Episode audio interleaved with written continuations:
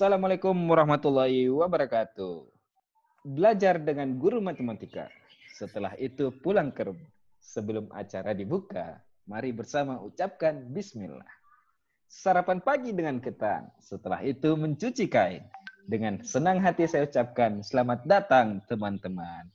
Oke, berjumpa lagi di acara podcast kami. Kita akan ngobrol-ngobrol tentang desain dan ngobrol-ngobrol soal inspiratif. Tapi sebelum kita memulai, ada baiknya kita perkenalan terlebih dahulu.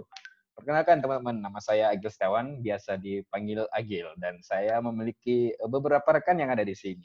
Salah satunya rekan saya bernama Eh, Saya Bonifacius Alvino, boleh panggil Boni. saya Boni, Al atau Vino. Asik. Boni, banyak banget ya nama panggilannya. Kemudian kita ada satu lagi nih rekan kita nih. Siapa nih? Nama gue Fahmi Muhammad Prasetyo, boleh dipanggil Fahmi aja nggak apa-apa. Fahmi aja ya. Oke, kita panggil dia Fahmi. Dan teman-teman, pada sore hari ini kita sudah kedatangan salah satu sosok in, tokoh inspiratif lah. Bisa dibilang inspiratif, tokoh inspiratif nasional kayaknya ini karena mungkin Setuju, ya. Setuju, setuju, setuju. Setuju ya. Setuju, setuju. Setuju. Setuju, setuju, setuju. Inspiratif itu kan yang penting inspiratif ya. Oh, yang penting Betul, betul. inspiratif. Iya, Apa pun betul. itu. apa pun insight-nya ya karena ini podcastnya podcast nasional jadi eh, kita sebut saja dia tokoh inspiratif karena dia menginspirasi dan Betul. dia eh, berada di podcast nasional gitu jadi tokoh inspiratif nasional. Nasional. Nah tidak berpanjang-panjang lagi nih namanya itu Fabia Rivaldi. Eh, Wih, keren banget namanya. Iya namanya dari nada tepuk nama aja udah keren cuy dari nama aja udah tangan dulu dong. Tepuk tangan, tepuk tangan. Jadi sebelum kita berbincang-bincang sama Fabia ini, Fabia ini adalah eh, basicnya itu kalau nggak salah dia finance nih. Tapi dia bisa migrasi, dia bisa berpindah karir menuju seorang eh, user experience designer. Nah, bagaimana Keren. caranya? Bagaimana caranya itu nanti kita akan bicara eh, lebih lanjut terkait hal tersebut. Oleh karena itu saya untuk eh, mempersingkat waktu nih, biar nggak terlalu berlama-lama juga nih podcastnya saya passing langsung aja nih ke Bro Fahmi. Silakan Bro Fahmi. Ya, ya. Ini topiknya hari ini kita mau ngebahas eh, ada apa eh, kita mau ngebahas orang yang dia backgroundnya tidak ada hubungannya sama sekali dengan dunia produk dengan dunia UX tapi berujung dia akhirnya shifting pindah ke UX. Nah kita pengen bahas itu lebih dalam nih dengan narasumber kita si Mas Fabia. Nah sebelum kita deep dive lebih dalam nih Mas Fabia, bro lo boleh kenalin nggak eh, background lo apa biar teman-teman kita bisa lebih kenal lu lah gitu. Oke oke. Boleh deh tadi pertama apa pengenalan dulu ya. Pengenalan kalau nama tadi udah disebut eh, Fabio Rivaldi. Terus sebenarnya secara background eh, background gua kalau kuliah gua itu ambil komputer akuntansi gitu. Mungkin fokusnya lebih apa ya orang lebih lebih tahu tuh lebih banyak sistem informasi lah gitu. Komputer Oke. akuntansi. Komputer gimana? akuntansi. Gimana? Saya mau na- penasaran. Gimana hubungan Iya, ini- komputer akuntansi atau sistem informasi? Ini dari ini ini ntar bro, ini dari dari background kuliahnya aja sudah menarik bro. Si, Oh, iya. eh, komputer akuntansi nih. Ini Iya. Komputer Jadi- akuntansi. Iya, iya. benar. Sebenarnya apa ya? Iya. Sebenarnya sama kayak sistem informasi, cuman Oh, banyak part-part yang apa ya jadi lebih ke jembatan lah antara si sistem informasi sama akuntansi sebenarnya lebih ke kayak, kayak gitu sih hmm, jembatan Bentuknya antara kayak manajemen man- manajemen keuangan kali ya manajemen keuangan ya. tengah-tengah gitu Wih, keren, keren, dapet keren, akuntansinya dapet kayak gitu Iya, berarti bisa perbaikin eh, PC, Pak. itu bukan Pak, itu Oh, tukang iya, servis. itu bisa. Astagfirullah. Beda. Enggak, biasanya jokes-jokes IT itu gitu, cuy. Iya. Kita pokoknya itu harus di dibenerin coy.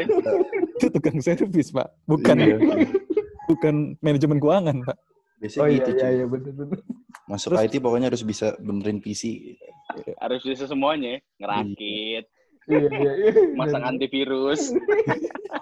jadi gue lanjut ya gue lanjut ya Iya, iya, oke. Ya, lanjut lanjut. Jadi lanjut. eh, kalau dari backgroundnya sendiri sebenarnya eh, udah udah tahu soal apa ya eh, bikin website gitu-gitu sih udah udah udah sempet tahu gitu. Cuman lebih ke Hmm.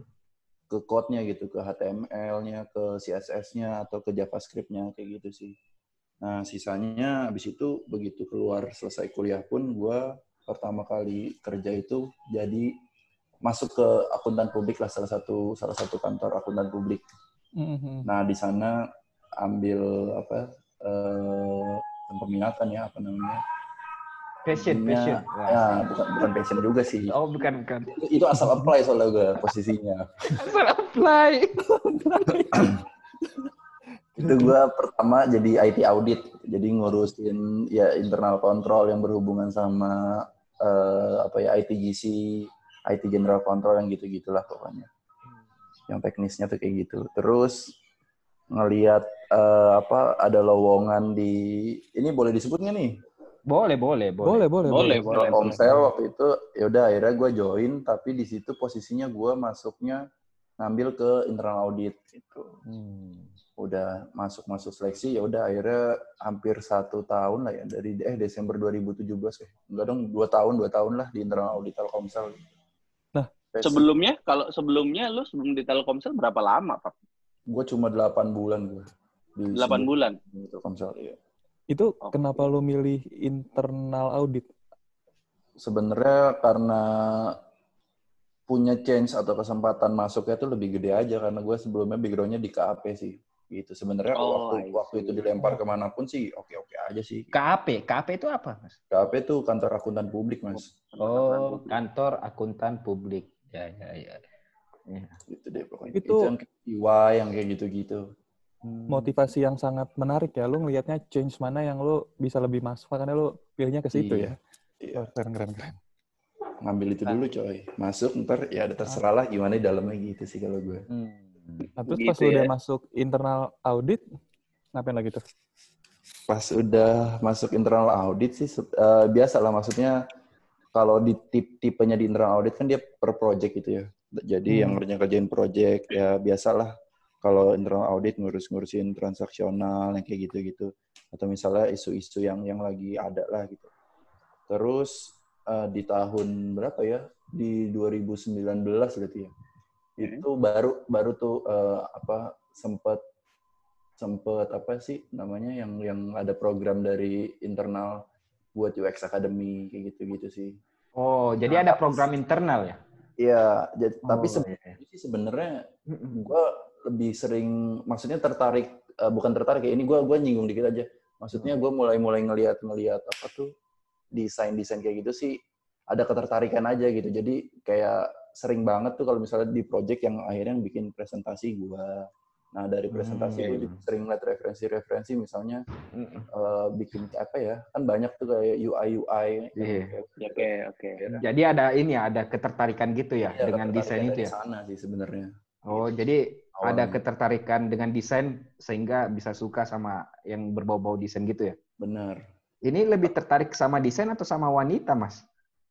kalau boleh jujur sih ya kalau bisa dua kenapa pilih satu Oh iya. Iya, iya. Ya. Terbaik. Sangat inspiratif sekali. Ini memang cocok disebut sebagai tokoh inspiratif nasional ya. Iya, iya, benar. Tapi Mas Pap mau nanya, maksudnya dari awal di, eh, kuliah kan kayaknya eh, berkaitannya dengan sistem. iya iya Terus kaitannya juga dengan ada accountingnya di sana. iya Terus iya. eh, kok mendadak bisa tertarik sama desain gitu? Nah. Apakah apakah ada course di luar sana ataukah ada belajar-belajar otodidak ngedesain atau gimana? Ah, kalau belajar otodidak desain memang bukan ada sih, cuman emang gue sering lihat-lihat aja gitu. Kok keren ya orang bisa bikin misalnya kayak gambar-gambar kayak gitu. Jadi kadang gue apa yang ngotak-ngatik Photoshop, ada Illustrator yang kayak gitu gitulah. Itu itu maksudnya udah udah udah lebih sering gitu. Maksudnya gue udah lebih apa ya? Udah familiar lah sama tools-tools itu gitu. Jadi Oke. makanya kenapa yang bikin PPT itu kadang gue bikinin juga apa eh, grafik-grafik kayak covernya kayak gitu-gitu. Terus Kalau udah cinta, ngeliat mana itu. tahu ya kalau udah cinta ya. Iya benar. Yakin cinta dari itu kan- turun ke hati benar. Wah, luar biasa sekali. Benar, benar. Sangat inspiratif. Nah dari hati turun ya terserah lah turun gimana tuh dari. dari. Iya, iya, iya. Mas, Mas Pap, nyambung Iya, iya. pertanyaannya Mas Boni nih kan berarti pas lagi di internal audit kan udah mulai kenal-kenal tuh soal desain, soal UI dan dan segala macam gitu kan. Yoi. Nah, Terus eh, kapan sih uh, akhirnya memutuskan untuk wah kayaknya gue emang harus mendalami nih, gue harus lebih deep dive lagi untuk uh, uh, kayak mem mempelajari di bidang desain atau di bidang UI atau UX gitu, Mas. Nah, ini agak random sih kalau gue kalau jawab soal ini. Jadi waktu pas 2019 pertengahan itu, biasanya kan gue kayak gini nih, misalnya kayak tiap tahun tuh gue gue ada yang pengen gue achieve apa gitu satu. Nah salah satunya mungkin yang di 2018 akhirnya gue udah udah udah apa uh, pindah kerjaan ke Telkomsel gitu kan di 2000 di 2018 masuk internal audit. Nah di 2019 tuh gue masih mikir tuh udah udah tengah tahun kira-kira gue mau ngapain ya gitu sih. Nah hmm. akhirnya di akhir tahun gue mutusin ya udah kalau gitu awal tahun 2020 tadinya gue mau ambil course kayak UI UX itu dan di situ gue juga lagi ngeliat kok lagi naik banget namanya si UI UX ini. Di samping itu juga ada ketertarikan ke desain desain itu juga sendiri sih. Nah, terus ternyata hmm. di internal Telkomsel sendiri akhirnya di akhir tahun itu buka yang apa UI UI UX Academy itu ya udah. Hmm. Gue coba apply, eh lolos. Jadi ada beberapa tes gitu intinya, terus lolos ya udah.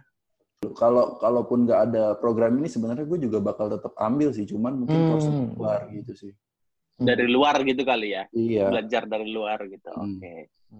Jadi berarti uh, tiap tahunnya selalu nyeting target ya Mas Fabian? Iya. Individual. itu kuncinya salah satunya mungkin di sana ya. Jadi tiap tahun itu kita harus selalu setting target gitu. Karena banyak orang juga yang ini yang hidupnya ya tanpa target gitu. Mengalir apa adanya gitu kan katanya slow aja gitu. Terus terus ditanyain e, lu uh, prinsip hidup lu apa?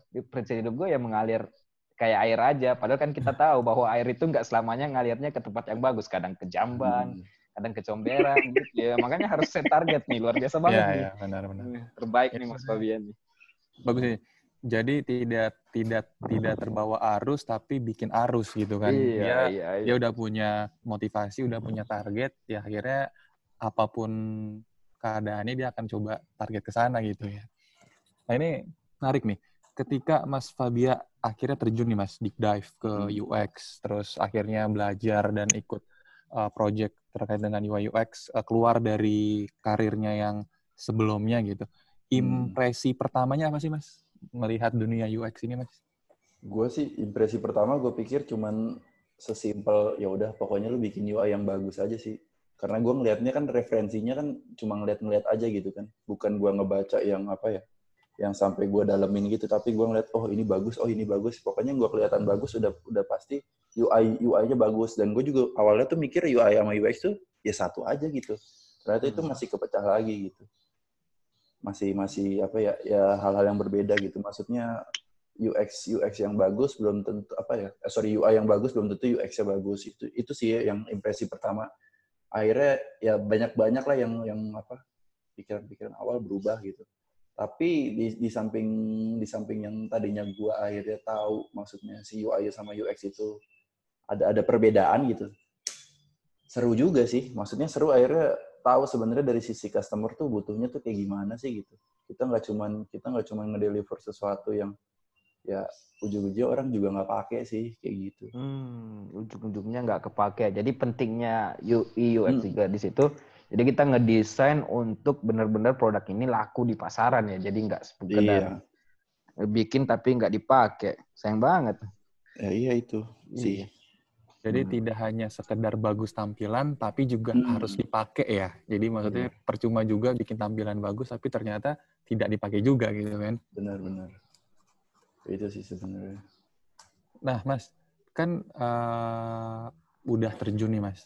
Hmm. Waktu terjun itu uh, tantangan atau gap yang benar-benar dirasain ketika masuk ke dunia, ke dunia UX? Karena kan tadi dari perjalanannya Mas Fabian kan memang uh, karirnya memang jauh dari UX gitu ya, dari UI UX dan akhirnya masuk. Nah kira-kira uh, tantangan yang benar-benar di, dihadapin atau dirasain apa sih? Terus cara untuk akhirnya mengalahkan tantangan itu gimana? gimana? Apakah hmm. dengan ke apakah dengan bertapa di gua atau gimana mas? Coba tolong diceritakan. Mungkin kalau dari tantangan dulu ya. kalau tantangan uh, sebenarnya kalau gimana ya gue gue jelasinnya. Kalau tantangan sih sebenarnya nggak nggak yang gimana gimana, cuman kayak lu biasa lah kalau nyelam ke tempat baru lagi gitu kayak lu pengenalan ulang lagi kayak Hmm. apa sih ini apa sih belajar toolsnya lagi kayak gitu sih itu yang yang yang agak-agak lama gitu terus Hmm. nyari nyari ritmenya gitu yang yang berubah yang tadinya gue mungkin kerjaannya yang ya udah gitu-gitu aja lah paling. Bikin bikin apa eh, project selesai ya udah gitu. Nah udah gitu kalau di di apa di UI UX kan apa ya banyak banyak tools yang baru yang lu harus harus harus cobain dulu gitu. Terus juga lu juga pas pas gua pas waktu akademik ya gue belajarnya juga nggak cuman apa nggak cuman spesifik ke misalnya UI doang atau ke desain doang tapi langsung coba ke researchnya juga ke desainnya juga ke ke ya apa di, di, Semua lah ya. uh, semuanya lah end to end gitu. Nah itu agak agak challengingnya kayak apa ya? Ada satu part yang mungkin menurut gua gua gua kurang serak gitu. Kayak kayak di UI UX contohnya research gitu. Nah gua ngerasa aduh ini susah banget gitu. Nge-research orang tuh kayak nyari-nyari empatinya orang, nanya bikin pertanyaan yang nggak ngelit orang itu menurut gua agak-agak susah sih. Kayak gitu. Hmm. Sampai sekarang jadi mungkin kalaupun gua apa ya ditanya kalau mau mau spesifik UI UI atau UX ke mana itu gua ya tetap ke desainer sih dibanding researcher. Nah Hmm. kalau dari itu kan dari challenge-nya ya. Kalau dari cara Hmm. ngat ya udah sih sebenarnya tinggal keep doing aja sih coy. Tinggal jalanin aja gitu. Nanti Hmm. juga lama-lama bisa. Itu kan sebenarnya karena pengalaman aja sih. Mungkin sekali dua Oke. kali salah ya. Intinya ya nggak usah takut salah sih. Itu ada room of apa ya? Room improvement lah di sana. Hmm. Kayak gitu sih. Hmm. Kalau ini Mas, eh, penasaran. Jadi kan Mas ini lebih tertarik untuk eh, ngedesain desain gitu. Biasanya Hmm. software yang dipakai apa aja nih? Terus ngambil referensi dari Oh. mana gitu? Tools ya, tools Iya, itu. iya. Heeh. Kalau tools sih biasanya tetap ke Figma gitu. Hmm. Figma ataupun kadang gue suka nyoret-nyoret dulu apa ya ya Hmm. kayak bikin ide-ide dulu lah gitu nyoret-nyoret Hmm. kertas biasa lah gitu terus eh selain Figma tuh sebelumnya juga pak gue pakai Adobe XD sebelum pakai Figma Hmm. malah terus kalau untuk referensi ya referensi sih biasa lah dari Medium dari dari Pinterest kayak gitu-gitu sih Hmm. Hmm. referensi-referensi ya desain-desain kira-kira match lah. Tapi ya itu sih tetap dibalikin lagi sih. Hmm. Kira-kira cocok apa enggak desainnya sama produk ya gitu. Oke. Oke. Kalau eh, sekarang kan berarti eh, Mas Fabia itu udah udah switch nih ya, kita bisa bilang ya. Maksudnya Ya. dulu waktu awal masuk Telkomsel itu sebagai internal audit, terus Hmm. sekarang akhirnya sudah role berubah nih menjadi seorang eh, jadi sekarang eh, role apa Mas? UX design ya? UX designer. UX designer ya. Nah, Iya. impresi Mas atau eh, hal yang bisa Mas gambarkan menjadi seorang UX designer sekarang itu gimana? Dari dari yang sebelumnya Mas seorang internal audit, apakah susah? Apakah Ah, fun? Apakah apa gitu?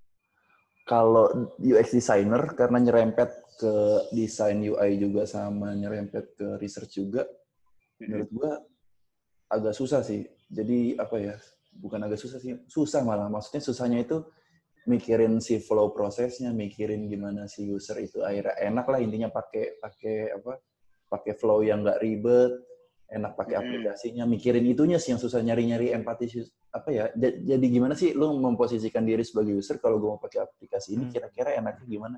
Nah, itu agak agak susah gitu kadang begitu begitu pertama kali kita punya ide oh gini gini gini gini begitu dijalanin atau dites ternyata nggak enak ternyata ternyata banyak banyak problem yang kayak gitu gitu itu sih yang Hmm. susah sebenarnya gitu terus itu nyari yang apa ya ya. Oke. Iya nyari nyari apa ya nyari solusi nyari solusi itu yang nggak nggak segampang lu Eh, misalnya gimana misalnya lu eh gue mau beli makan eh sorry sorry misalnya eh gue lapar nih ya udah lu beli makan Hmm. nggak se nggak se nggak se apa Nggak sesimpel itu. nggak sesimpel itu gitu ternyata Oke. mungkin dia dia lap- dia dia laparnya itu bukan apa bukan bukan karena pengen beli makan dulu atau mungkin dia bangun tidur dia dia cuma ngerasa aus dehidrasi akhirnya jadi dia jadinya kayak lapar kayak gitu juga bisa gitu nah itu yang yang agak susah sih nyari nyari root cause-nya sebenarnya masalahnya itu apa kayak gitu Oke.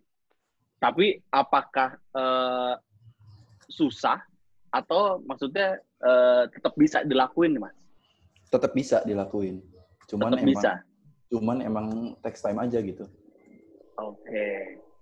Berarti kalau misalkan itu susah, eh, pertanyaannya adalah eh, kita yang maksudnya eh, orang-orang yang pengen switch karir nih ceritanya gitu, misalkan Mm-mm. ke U- ke UX ini berarti nggak perlu takut salah dong ya berarti ya untuk untuk untuk di dalamnya gitu. Atau atau gimana mas? Ya kalau gue sih, kalau gue pribadi yang ngejawab itu, Hmm? wah ya, bodo amat deh cuy. Mending, eh, jadi gue jalan, jalanin aja cuy.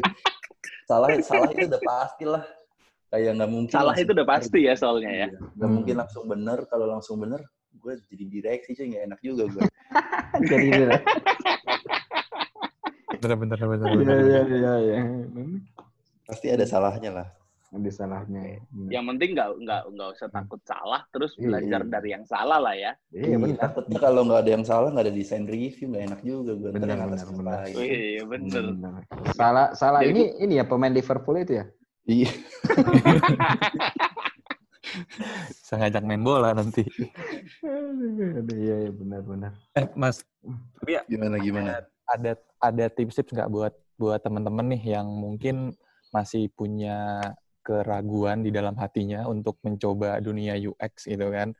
Eh, contoh misalnya kayak mungkin yang mereka takut, gue bisa nggak ya ikutin cara kerjanya di dunia UX. Kalau gue kan dulu misalnya eh, background gue anak hukum, gue biasa ngurusin dokumen dan eh, apa eh, yang hal-halnya yang ber yang berbau eh, eh, kertas dan segala macam terus gue harus coba ke hal yang berbau digital dan segala macam gitu mas Hmm.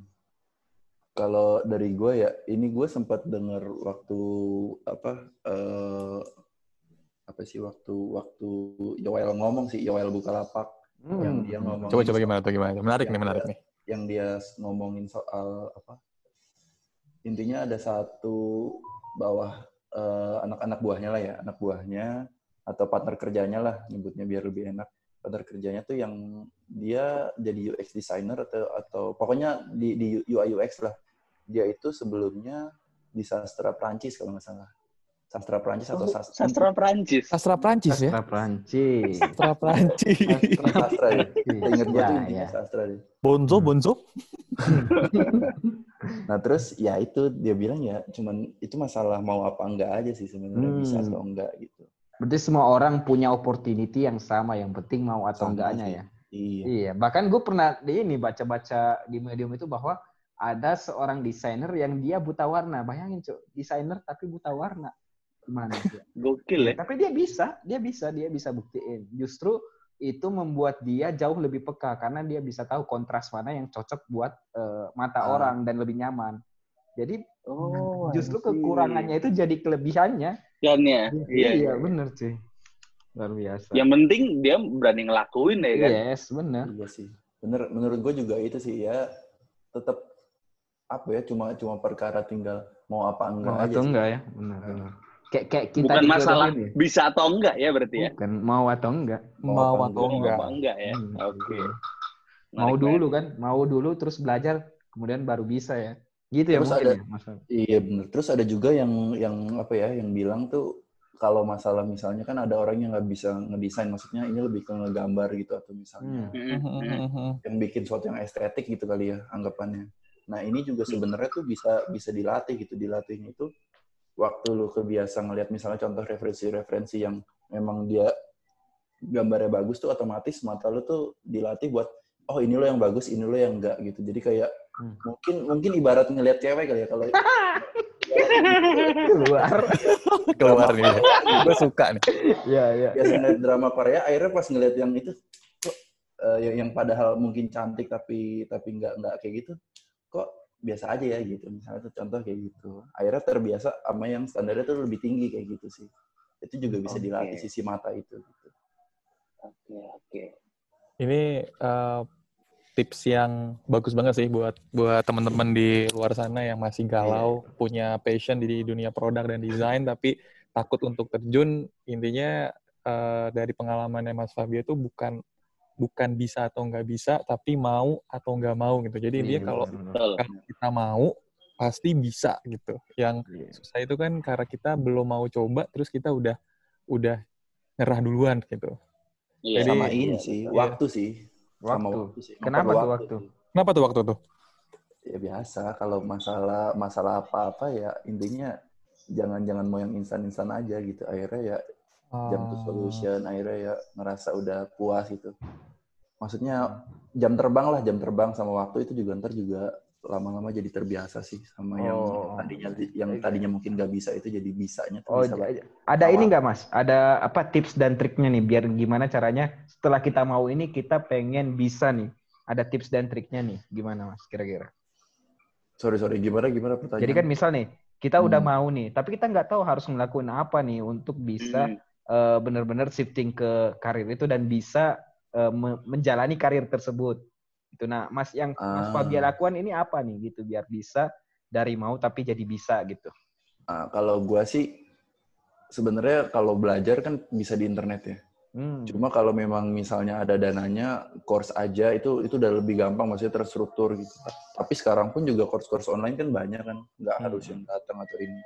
Jadi sebenarnya ya tinggal mulai aja, tinggal mau mau apa, posisi belajar itu dari mana. Ada yang perlu dengan dengan uang juga bisa, ada yang gratis. Cuma ya mungkin Meskipun ada berarti ya. intinya intinya di mana aja bisa sih kalau si UI UX ini gitu. Nah, Dan terus yang- intinya mulai aja dulu ya. Iya, aduh. Hijau tuh kayaknya tuh. Hijau kayaknya tuh. Terus bro, terus bro.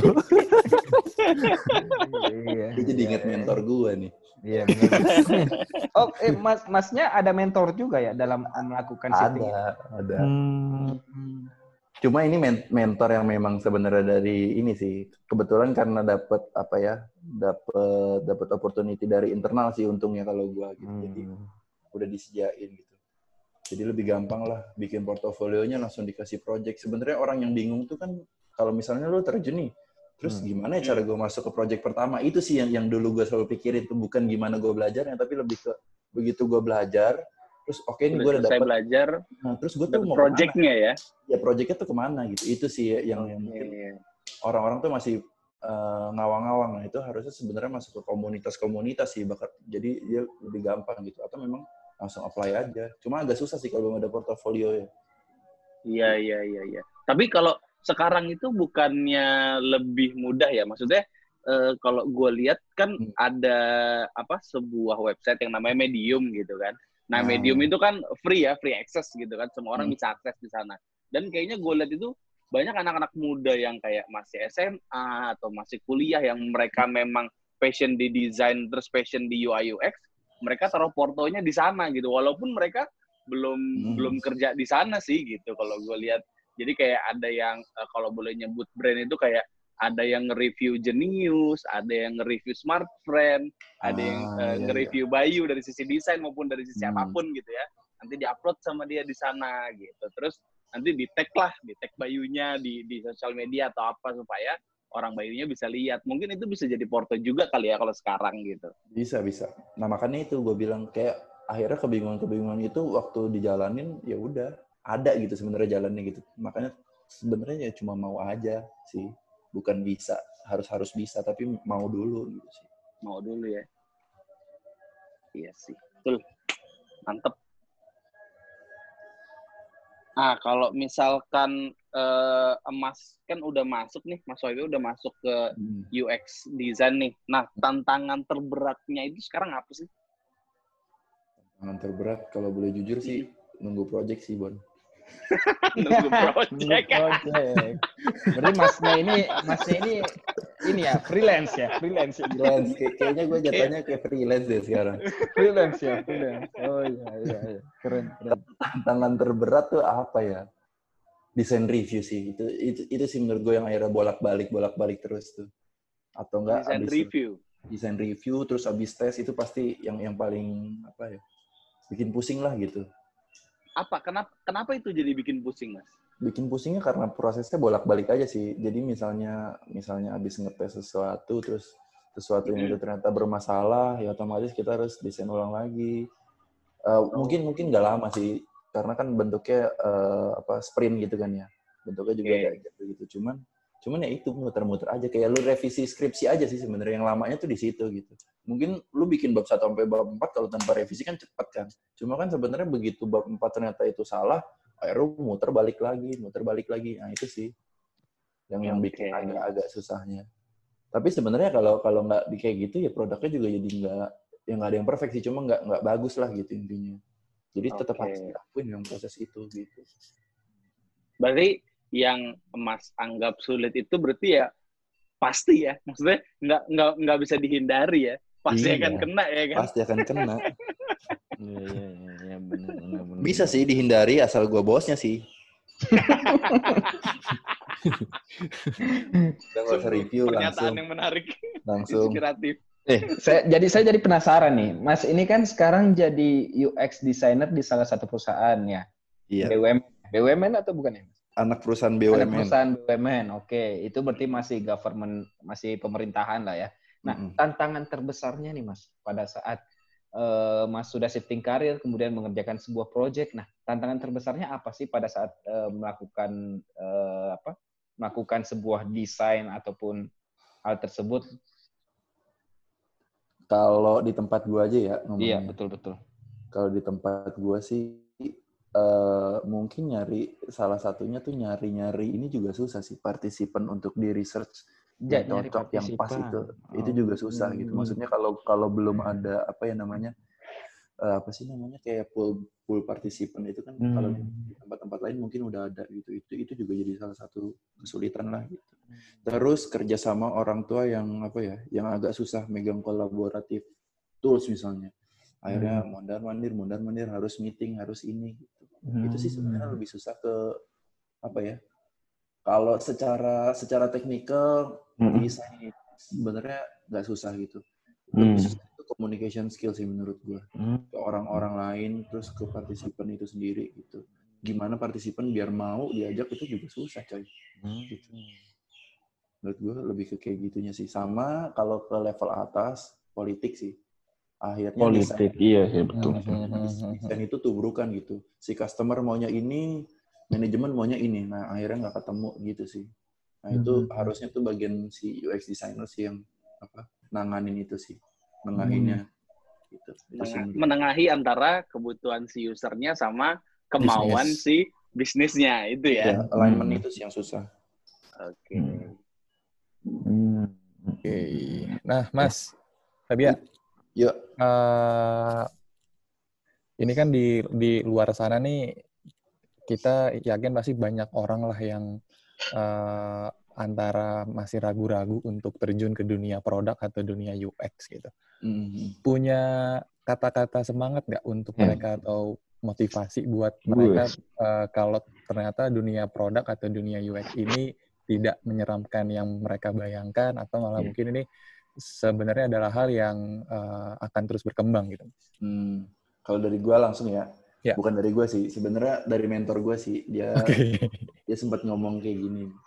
Eh, waktu punya, kalau gua kenapa akhirnya bener-bener bener-bener kayak yakin tuh, kenapa akhirnya mau pindah ke UX atau UI design tuh, waktu di internal audit gua ngerasa problem problem yang misalnya gua solve itu nggak kelihatan gitu. Gua ngebantuin siapa sih sebenarnya yang gua bantu tuh apa sih gitu. Nah begitu misalnya contoh gue masuk ke UI UX ini, begitu gue nge-solve sesuatu, aplikasinya dipakai sama orang lain, terus orang lain ngasih feedback, nah itu ada rasa puas sendiri sih sama gue. Ini jadi bagus nih, ini jadi enteng banget, jadi gampang banget makainya, jadi cepet banget pembeliannya. Yang misalnya contohnya tuh kayak gitu. Jadi kayak apa ya? Ada ada feedback feedback dari orang lain yang langsung kayak, kayak aktualisasi diri lah rasanya tuh kayak gitu. Yo. Iya, iya, iya. Orang tuh ngakuin, oh yang lu lakuin tuh udah udah oke, lu tuh udah nge-solve problem gue gitu. sih. Oke, oke. Iya, iya, iya. Orang Jadi Mungkin bed- bedanya sama yang lama itu kali ya. Kalau Mas Iya. dulu kan di internal audit eh, apa eh, ngerjainnya sistem dan nggak langsung ke end user kan, jadi Nah, nggak tahu benar. gitu. Iya. Nah kalau yang kalau yang sekarang kan ngerjain aplikasi langsung dapat feedback dari usernya itu ada Iya. itulah ada rasa puasnya sendiri ya ketika Nah, apa yang kita usulin atau ide dari tim itu dipakai atau disukai sama orang gitu kali ya. Iya, iya, iya. Betul. Ya, ya. Jadi ada ada perasaan puas yang nyata ya, karena kita apa yang kita kerjain, Hmm. apa yang kita lakuin tuh ternyata membawa manfaat untuk orang yang menggunakan gitu ya mas ya. Iya. Saya saya agak eh, apa? Agak ngebold nih kalimat puas dalam hal yang nyata. Luar biasa sekali nih, puas dalam hal yang nyata. Ya, emang ada kan sekarang nih mas Gil kan banyak juga yang puas tapi hanya di hayalan doang. Ini gue tau videonya nih, Mi. ini gue tau videonya yang ini nih. Mi. Yang puas dalam hayalan nih ada nih. iya, Iya, iya. kan iya. zaman di zaman digital sekarang kan banyak banget yang puas tapi hanya dalam Iya. hayalan doang, Gil. Kalau kalau menurut Mas Fabi ini dengan dia terjun ke dunia produk dan UX ini Iya. eh, bisa menghasilkan puas yang nyata ternyata. Iya, iya. Puas yang nyata ini ada kebermanfaatannya. Kalau nggak nyata kan nggak bermanfaat kayaknya. Nah, Betul. rasanya tuh kayak gitu. Kali ya, ya. rasanya gitu. Nah, jadi buat teman-teman yang di luar sana nih yang masih ragu atau masih galau, kita harus mengquote kata-katanya Mas Fabia bahwa dengan kalian terjun ke UX atau ke dunia produk design, kalian bisa menghasilkan kepuasan yang nyata yang membawa manfaat untuk Ah, orang yang menggunakannya. Keren banget Mas Fabian ya. Keren banget, quote-nya ya. Mantul. Tokoh inspiratif. Sangat inspiratif. Inspiratif. Sangat inspiratif. Sangat inspiratif. Mas, Mas, Bangga saya, gua. iya, saya ada pertanyaan cepet nih. Eh, mungkin Coba coba coba. jawab dengan cepet nih, Mas Fabian. Nah, saya nggak nggak nggak usah butuh risetnya, tapi jawab aja dengan cepet.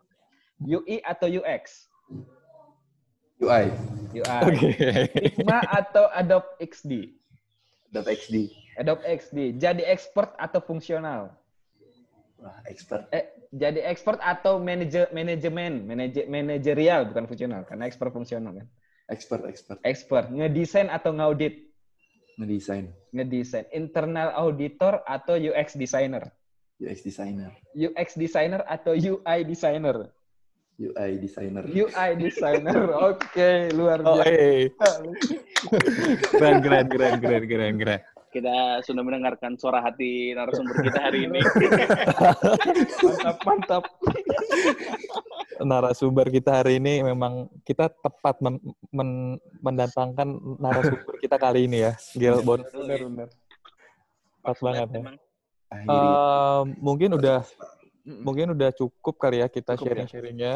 Betul, betul. Mungkin Sudah inspiratif banget ini. udah inspiratif banget dan eh, dari Mas Fabi juga kita udah dapetin insight yang banyak banget yang bahwa sebenarnya tidak peduli background kita tadinya apa, kalau kita mau itu kita pasti bisa untuk terjun ke dunia product design atau dunia UX ini gitu loh. Iya, iya. Dan apalagi dengan pengalamannya Mas Fabia kita bisa tahu bahwa dengan terjun ke dunia UX dan dunia product design ini kita bisa menghasilkan impact yang benar-benar bisa dirasakan oleh pengguna kita gitu loh, pengguna produk kita gitu. Hmm, Benar, benar, benar. Keren banget ya ternyata ya hari ini ya. Terima kasih banyak ini Mas Fabia atas eh, waktunya. Jadi Hmm. mungkin eh, sebelum kita akhiri, eh, saya ingin pantun dulu, pantun dulu. Waduh. biasa. Pantun, oke. Pantun. Jadi kita buka dengan pantun karena kan ini podcast nasional. Jadi kita Podcast nasional. Iya, harus membawa culture di dalamnya itu aja kan. Ah, Jadi pantun. Oke, oke. Iya, iya, gila, gila. Jadi eh, tadi kita buka dengan pantun, maka kita akhiri juga dengan pantun.